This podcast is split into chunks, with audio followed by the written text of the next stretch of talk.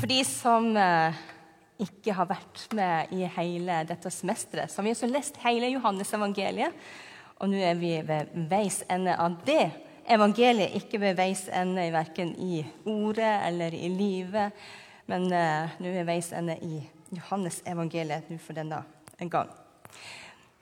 Det er en forhistorie dette som Maria leste, om sam samtalen mellom Jesus og Peter.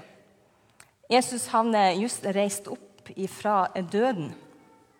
Men før Jesus døde, når Jesus ble arrestert, så ble hans disipler som var sammen med ham, de ble spredd for alle vinder. De ble redde og sprang hver til sist. Men Peter han sneik seg etter Jesus for å se hva som skjer med Jesus. Han hadde jo sagt at Jesus, 'Jeg kan dø for deg. Jeg går med deg. Hvor enn det skal være. Jeg kan dø for deg.' Men der, når Peter snek seg inn og sto i forgården og varma hendene, så ble han gjenkjent. Er ikke du en av de som er hans disipler? Nei. Han ble gjenkjent tre ganger og spurt tre ganger. Til slutt så banner Peter på at han ikke kjenner Jesus. Og så dør Jesus. Og Jesus ble reist opp igjen. Og Jesus hadde vist seg for disiplene to ganger før denne historien. De hadde møtt Jesus rett samme kveld som han var blitt reist opp. De hadde fått Den hellige ånd. Og nå er de der hvor Peter og gjengen de har dratt ut for å fiske. Og eh, De får ingenting, men Jesus står inne på stranda. De gjenkjenner ikke med det første. Så hiv garnet over på andre sida. Og så fikk de masse fisk. Og så gjenkjenner de det er jo Jesus. Og så kaster Peter seg ut i vannet, for han vil komme først. Altså, hengivenhet. Og likevel altså i denne samtalen her så er det noe med den stemninga mellom Jesus og, og, Peter, men også Jesus og alle de andre. For det var jo et eller annet med at eh, de visste hvem han var, og likevel så torde de ikke å spørre hvem er du egentlig Det må ha vært noe rart i lufta. En spenning. Hvordan hadde Peter det nå når han traff Jesus? Det er jo tydelig en hengivenhet i Peter som gjør at han hiver seg ut av båten og bare vil løpe hen mot Jesus før de andre. Og Likevel så er det noe som fratar han frimodigheten, som gjør at han ikke tør å spørre Jesus helt inntil. Men gjennom disse versene så ser vi hvordan Jesus setter Peter fri til å følge ham. Og det er budskapet i dag. Hva er det Jesus vil sette deg fri fra, så du kan følge ham? Ikke bare tro ham, men elske og følge. Ikke bare være frelst fra en evighet som er atskilt fra Gud, men frelst til en relasjon. Frelst til en hensikt. Frelst til et annerledes liv. Noe du kan gripe med begge hendene dine i livet ditt her. Noe du kan leve og dø for. De som har barn på skolen, de Nei, nå må jeg skru på ordentlig De vet at barna de går gjennom en sånn sommerles. Man skal lese litt eh, i løpet av sommeren. Her er det sommerles for voksne. Jeg vil anbefale boka 'Fri til å følge'. Der er jeg henta teksten, altså tittelen til denne. Magnus Malm eh, skrev denne som en oppfølger til 'Fri til å tjene'. Den er veldig bra. Men den eh, samtalen her mellom Jesus og Peter så er det vanlig å, tenke og se på den som en gjenopprettelse av Peter. De tre spørsmålene som Jesus stiller Peter, de henger sammen med de tre gangene Peter fornekta Jesus. Tre ganger fornektelse, tre ganger bekjennelse på at han er glad i Jesus. Om vi kan spørre oss litt, hvis vi setter oss i skoene til Peter var det nødvendig å spørre tre ganger Jesus? Hadde det ikke vært nok om Jesus sa til Peter Peter, jeg vet at du er knust og at du, over at du fornekta meg den kvelden, og at du svikta. Men du skal vite at du er tilgitt. Ja, hadde ikke det vært nok? Jeg vet da, vi vet, og vi tror Vi er helt sikre på at Peter han var allerede tilgitt. Jesus visste at Peter var knust, og at han hadde grått bittert over sitt svik. Men Jesus vil noe mer. Og han drar Peter ganske dypt. For Peter blir bedrøvet når Jesus spør han tre ganger. Og vi kan føle med Peter hvordan hjertet vårt også synker litt ned sammen med han. For hver gang Jesus spør, så er det en invitasjon til å la seg bøye enda mer lenger ned. Ydmykhet, omvendelse og en bekjennelse. Og dette gjør jo ikke Jesus for moro skyld. Han gjør det heller ikke fordi at Jesus er en fornærma venn som er litt usikker på Mente du det, Peter? Er du, er du virkelig glad i meg, Peter? Er du sikker på det? Jeg må bare spørre en gang til. Peter, er du, er du helt sikker på at du er glad i meg? Altså, Jesus var ikke sånn.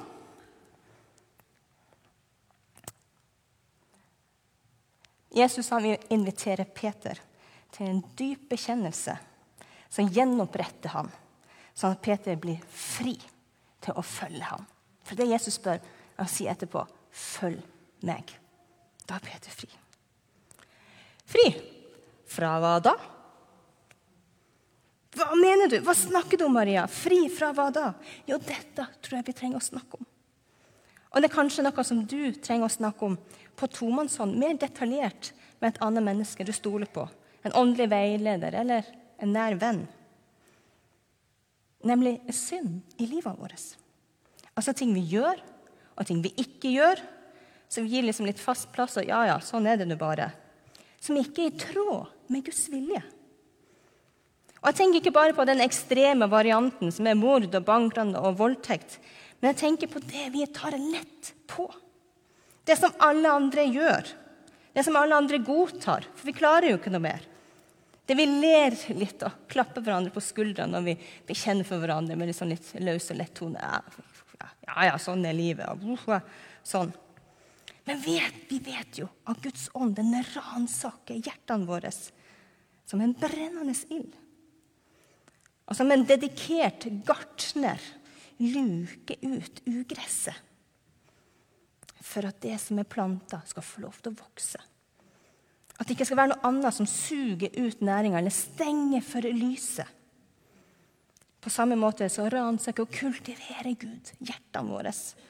For at det er ut fra hjertet at livene våre går ut. Og da er det synd. Og det gjelder alle slags krefter. Åndskrefter, tidsånd, you name it, som har negativ innflytelse i vårt liv. Det er som ugress som kveler livet Gud har kalt oss til. I Johannes eh, kapittel 8 så har Jesus en veldig interessant samtale og utfordrende samtale med noen jøder. Vi er vant til at eh, Jesus snakker med fariseerne, hyklerne, på en måte, der han konfronterer. Og så snakker Jesus på en litt annen måte med tollere og syndere og de som vender om. Det er liksom den nådefulle Jesus. Litt karikert sagt. Men her snakker Jesus til jøder, alminnelige folk, som har kommet til tro på ham. Og I løpet av samtalen, hvis du leser videre, så merker du at Jesus han holder fingeren på et eller annet som ikke er helt på rett plass.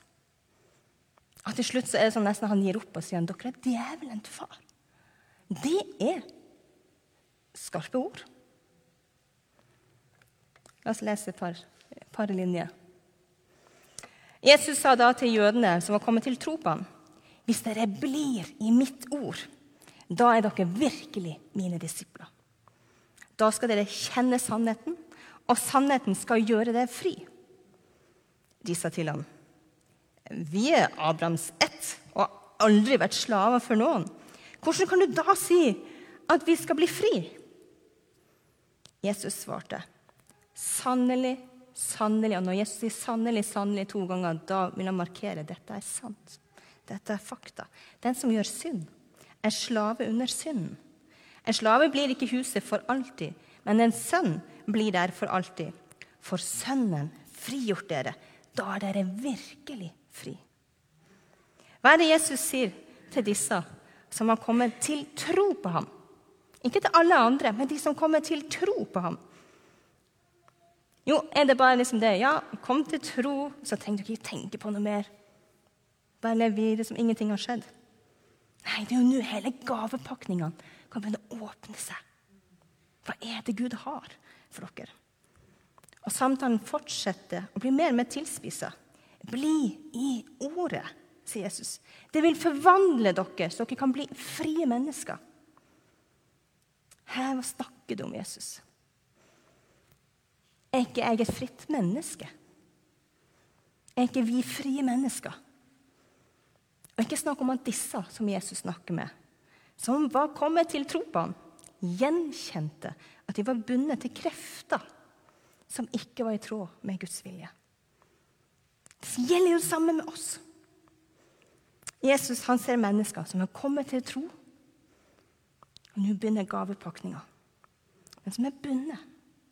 Og jeg snakker jo ikke egentlig her om det som vi karakteriserer som grov synd. Det som jødene kalte for tollere og syndere. Det var virkelig langt ute. Men dette er ganske alminnelige liv. For disse jødene som Jesus snakka med, de så det ikke sjøl. Jeg tenkte hva, hva er galt med mitt liv? Jeg er jo fritt menneske.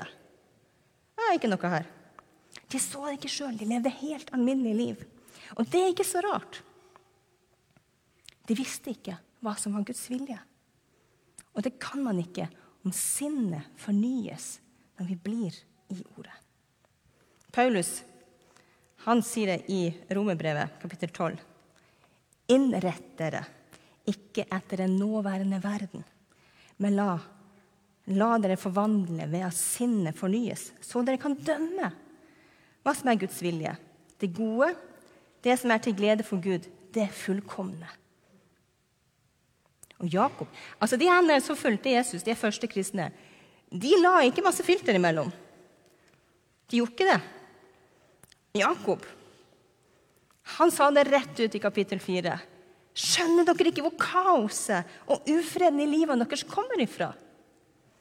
Skjønner dere ikke at vennskap med denne verden er fiendskap mot Gud? Hvis du vil være enig med hele verden, flyte der alle andre flyter, gjøre det alle andre gjør, så står du faktisk imot Gud. Vær lydig mot Gud, sier Jakob. Men står djevelen imot, så vil han flykte fra dere. Vennskap med verden er ikke nødvendigvis at vi faller, for det gjør vi jo. Men at vi gir synden en sånn naturlig og selvfølgelig plass i livet vårt. For på den måten kan vi ikke skjelne hva som er Guds vilje. Hva er det Gud vil? Og Et eksempel som er lett å dra fram, det er jo sex. Hvilke rammer har Gud gitt? Jo, det livslange og trofaste ekteskapet. Men fordi det både er så vanskelig å etterleve, og fordi alle andre gjør det jo, så senker vi Guds standard ned til hva det vi klarer. Vårt oppnåelige punkt. Gud kan jo ikke mene det, at vi skal leve etter den standarden. Det er jo helt klin umulig. Og da, når jeg sunket standarden ned dit, da mente ikke det. Gud mente ikke det. Da trenger jeg ikke en frelser. Fordi da lever jeg et godt nok liv. Jeg trenger ingen som frelser meg når jeg senker Guds standard ned til hva jeg kan. Så kobler vi ikke at den umuligheten henger sammen med meg, at jeg er et syndig menneske. Så kobler vi ikke at det fantastiske, at Guds enorme, gode tanke for meg og for deg var ikke at vi skulle holde ut i et ekteskap mm, som er ødeleggende for oss. Men Gud hadde tenkt det skulle ikke være brutte relasjoner i denne verden. Men relasjoner som var bygd på en kjærlighet så sterk at den var tjenestevillig, respektfull og gjensidig underordna. At barna skulle få lov til å vokse opp med en grunnleggende trygge ramme for vekst og for utvikling. At det skulle være økonomisk trygghet både for familien og for samfunnet. At det ikke skulle være kjønnssykdommer. Det er bare sånn helt enkel, banal, bitte lita liste. Men hvis jeg senker nivået ned til hva alle andre gjør, og hva jeg klarer, da er det ikke bare fiendskap mot Gud. For jeg sier at Gud er du som er problemet, fordi du er ganske drøy. Det er ikke meg som er problemet. Men det er også fiendskap mot mennesket som er skapt i Guds bilde. For gjennom den måten å leve på som Gud ikke har skapt oss til, så ødelegges mennesket og skaperverket vårt. I stedet for at jeg vender meg mot Gud, så Jesus, frels meg, for jeg er en arme synder. Det var jo derfor Jesus kom. Det var derfor Jesus betalte med sitt liv og med sitt blod for å redde de sønderknuste. De som kommer til Jesus, sier, 'Frels meg'. Jeg vet at du kom for å redde meg. Redd meg, Jesus. Og Frelsesverket er jo både det evige som ligger der framme, og det som begynner her og nå. At Gud vil sette meg fri fra syndens slaveri og de kreftene som ødelegger i livet, sånn at jeg kan vandre i det nye livet som Gud har for meg. Og gjennom ordet så blir jeg kjent med sannheten. Så kan jeg velge det, si du har rett. Og så begynner forvandlingsprosess fra innsida. Bit etter bit.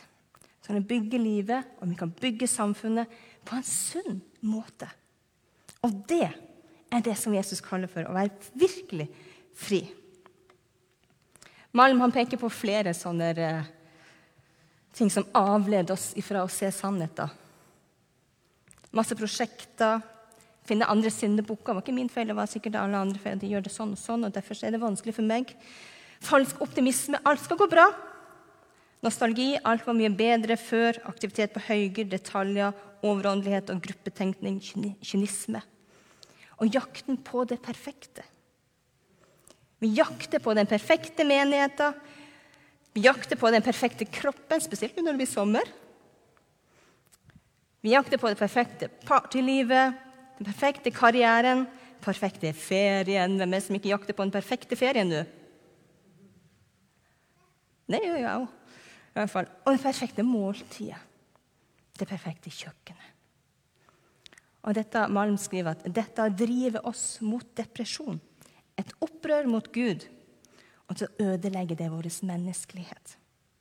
Hvordan kan jeg, som er jaga av disse kravene og måten å tenke på, kunne sette andre mennesker i frihet?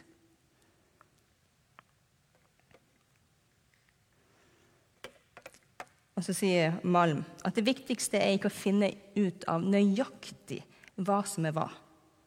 Det er veldig lett å gå og si hva er rett og hva er galt. Alt i minste detalj.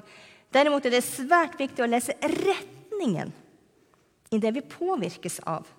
En enkel definisjon av makt er evnen til å påvirke i en viss retning. Den demoniske innflytelsen drar alltid i samme retning. Opprør mot Gud og dermed også krig mot mennesket. Guds bilde. Vi er skapt i Guds bilde. Så hva gjør vi nå? Skal vi synke sammen i stolen og bli deppa over vår egen tilstand? Poenget, poenget er at eh, vi er nødt til å være bevisst og være klar over at synd gjør noe med oss. Det binder oss. Det er noe mer enn bare ja, pytt, pytt, nå går vi videre. Fordi Jesus døde for det. Men også at Jesus vil sette oss virkelig fri. Fri. Så vi kan følge Han. Bli i ordet, sier han. Så vil Den hellige ånd gjøre sitt verk. Ett skritt av gangen, én bit av gangen. Vi trenger ikke gå i panikk. Men la Han få lov til å virke i oss gjennom sitt ord. Så skal vi kjenne sannheten, vi kan bekjenne sannheten, og så vil han sette oss fri. Mer og mer fra det som binder. Og jeg tror at omvendelse og en bekjennelse, sånn som Jesus dro fram av Peter, er nøkkel til den friheten. Nøkkel til å bli fri fra det som binder. Og Det er jo virkelig gode nyheter for de som har tatt imot Jesus. Vi som er Guds barn. Vi kan bli virkelig frie mennesker. Wow! Og jubel i taket! Jeg kan nesten lese det mellom linjene her.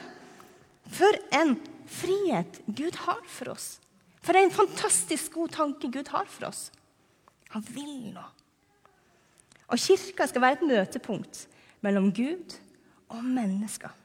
Hvor vi får tilbake vår tapte menneskelighet og kommer i hakk med den hensikten Gud har skapt oss til. Når Jesus møter Peter og blir nærgående, for det er jo det han gjør, så er det både for å tale sant om både sinns krefter og ordets kraft i vårt liv. Ordet har kraft i vårt liv. Tydeliggjøre det aller viktigste. Det er relasjon. Elsker du meg mer enn alle disse? Elsker du deg mer enn denne verden du lever i? Og så gir han tilbake det Peter tapte. Det er det Jesus vil med oss. Han vil gi tilbake det vi tapte.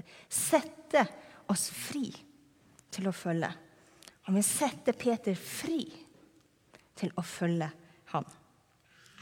Hvordan gikk det med Peter, da? Hvis du har en bibel, så må du bare bla ei side lenger fram. Så ser du en helt forvandla Peter. En helt fri Peter.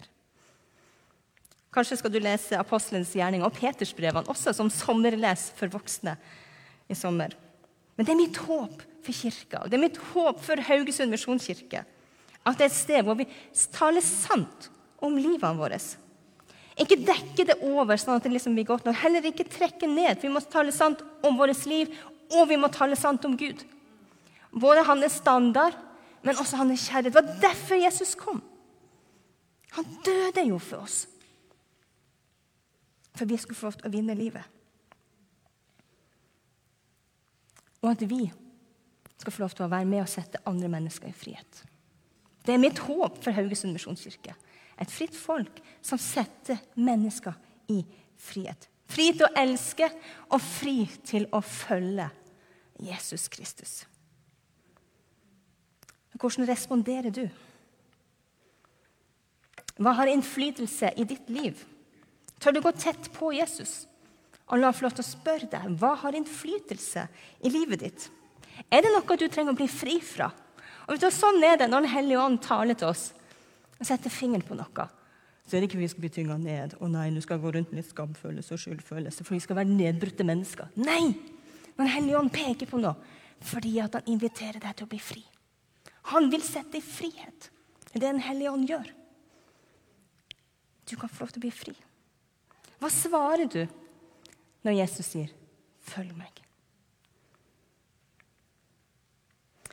I Apostelens gjerninger 22 så står det noen vers som ble sagt til Paulus.